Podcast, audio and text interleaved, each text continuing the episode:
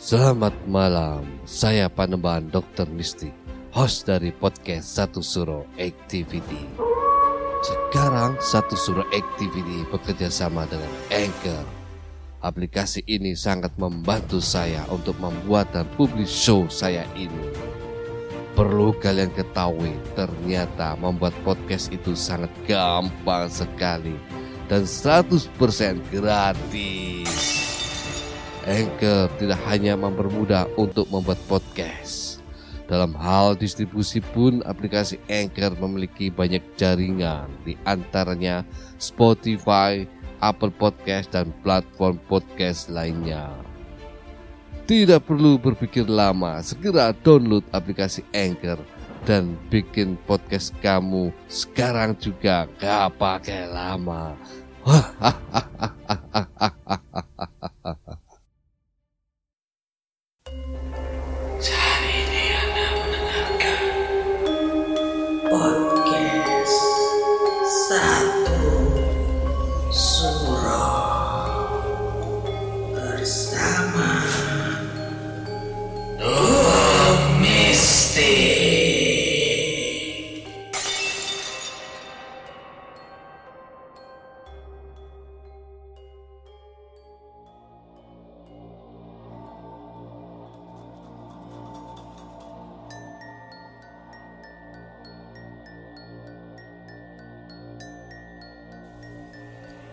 Assalamualaikum warahmatullahi wabarakatuh.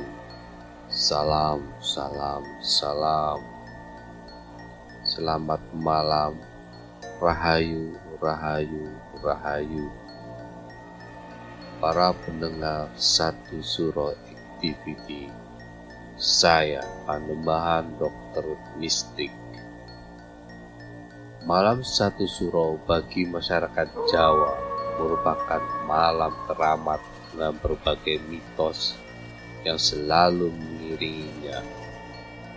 Misalnya saja, pada malam satu suro tersebut akan mendatangkan kesialan bagi siapa saja yang mengadakan pesta atau perayaan saat itu.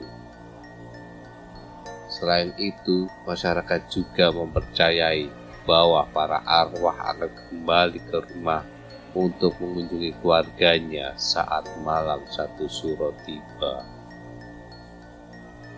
Maka malam itu juga dikenal sebagai hari rayanya para arwah dan makhluk halus.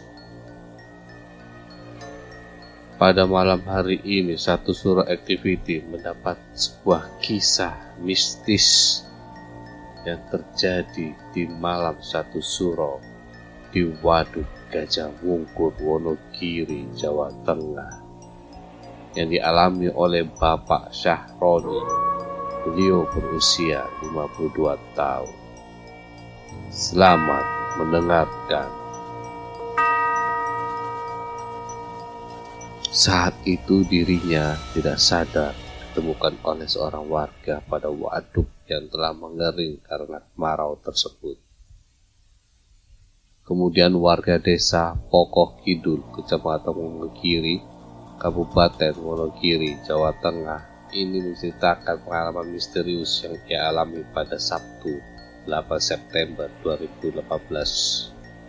Saat kejadian dirinya sedang memancing di waduk tersebut, namun bukannya ikan yang ia dapat. Dirinya justru ditemukan warga tidur sambil memeluk sebuah nisan dalam kondisi tanpa busana. Mengejutkannya lagi saat dibangunkan. Syahroni mengaku sempat hilang ingatan. Setelahnya dokter menyatakan jika dirinya mengalami dehidrasi.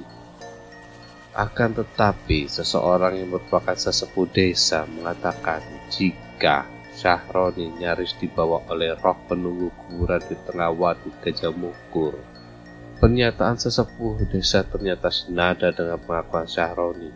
Ia mengalami kejadian berbau supranatural. Diketahui jika waduk tersebut dibangun mulai 1976 dan mulai beroperasi pada 1982. Waduk itu terbentuk dengan membendung aliran sungai Bengawan Solo dan dirancang sebagai salah satu flood control atau pengendali banjir. Saat dibangun, sebanyak 51 desa di enam kecamatan harus ditenggelamkan. Seluruh warga di semua desa itu sebanyak 67.515 jiwa wajib mengikuti program transmigrasi keluar Jawa, antara lain menuju Sumatera Barat, Jambi, Bengkulu, dan Sumatera Selatan. Ternyata ada mitos yang menyatakan jika sebuah makam akan tampak saat musim kemarau dan terlihat utuh. Makam tersebutlah yang saat itu dipeluk Sahroni selama satu hari satu malam. Syahroni mengatakan jika ia bertemu dengan seorang perempuan muda selalu diajak berkeliling desa hingga menginap di rumahnya. Ia seolah mabuk cinta dengan sang perempuan yang ditemuinya, serta melupakan istri, tiga anak, serta lima orang cucunya. Perempuan muda itu mengaku bernama Nita yang seusianya. Setelah sadar, anaknya kemudian memaksa dirinya untuk segera berpakaian serta dipaksa pulang. Hingga saat itulah ia baru sadar jika telah menjadi seorang kakek yang memiliki banyak cucu. Padahal saat tidak sadar seolah sedang berusia 17 tahun dan berstatus lajang. Dari keterangan sesepuh desa Pokok Kidul, konon Syahroni nyaris tak terselamatkan. Ia sebenarnya sedang diincar menjadi teman arwah gadis bernama Nita. Wanita tersebut ternyata memilih gantung diri sebelum keluarganya melakukan transmigrasi karena menolak berpisah dengan sang kekasih. Jenazahnya ikut ditenggelamkan saat pembangunan waduk tersebut. Itulah tadi para pendengar satu suruh activity. Kisah mistis yang terjadi di waduk Gajah Mungku, Wonogiri di mana terdapat arwah gentayangan perempuan muda bernama Nita yang gantung diri dikarenakan tidak ingin berpisah dengan kasihnya. Sangat disayangkan hanya karena cinta melakukan gantung diri yang sia-sia. Hidup lebih berharga jika bermanfaat untuk orang lain. Janganlah dibutakan oleh cinta. Percayalah bertawakallah selalu kepada Gusti Allah para pendengar satu surah activity tetaplah iling lan waspodo Assalamualaikum warahmatullahi wabarakatuh Salam, salam, salam. Rahayu, rahayu, rahayu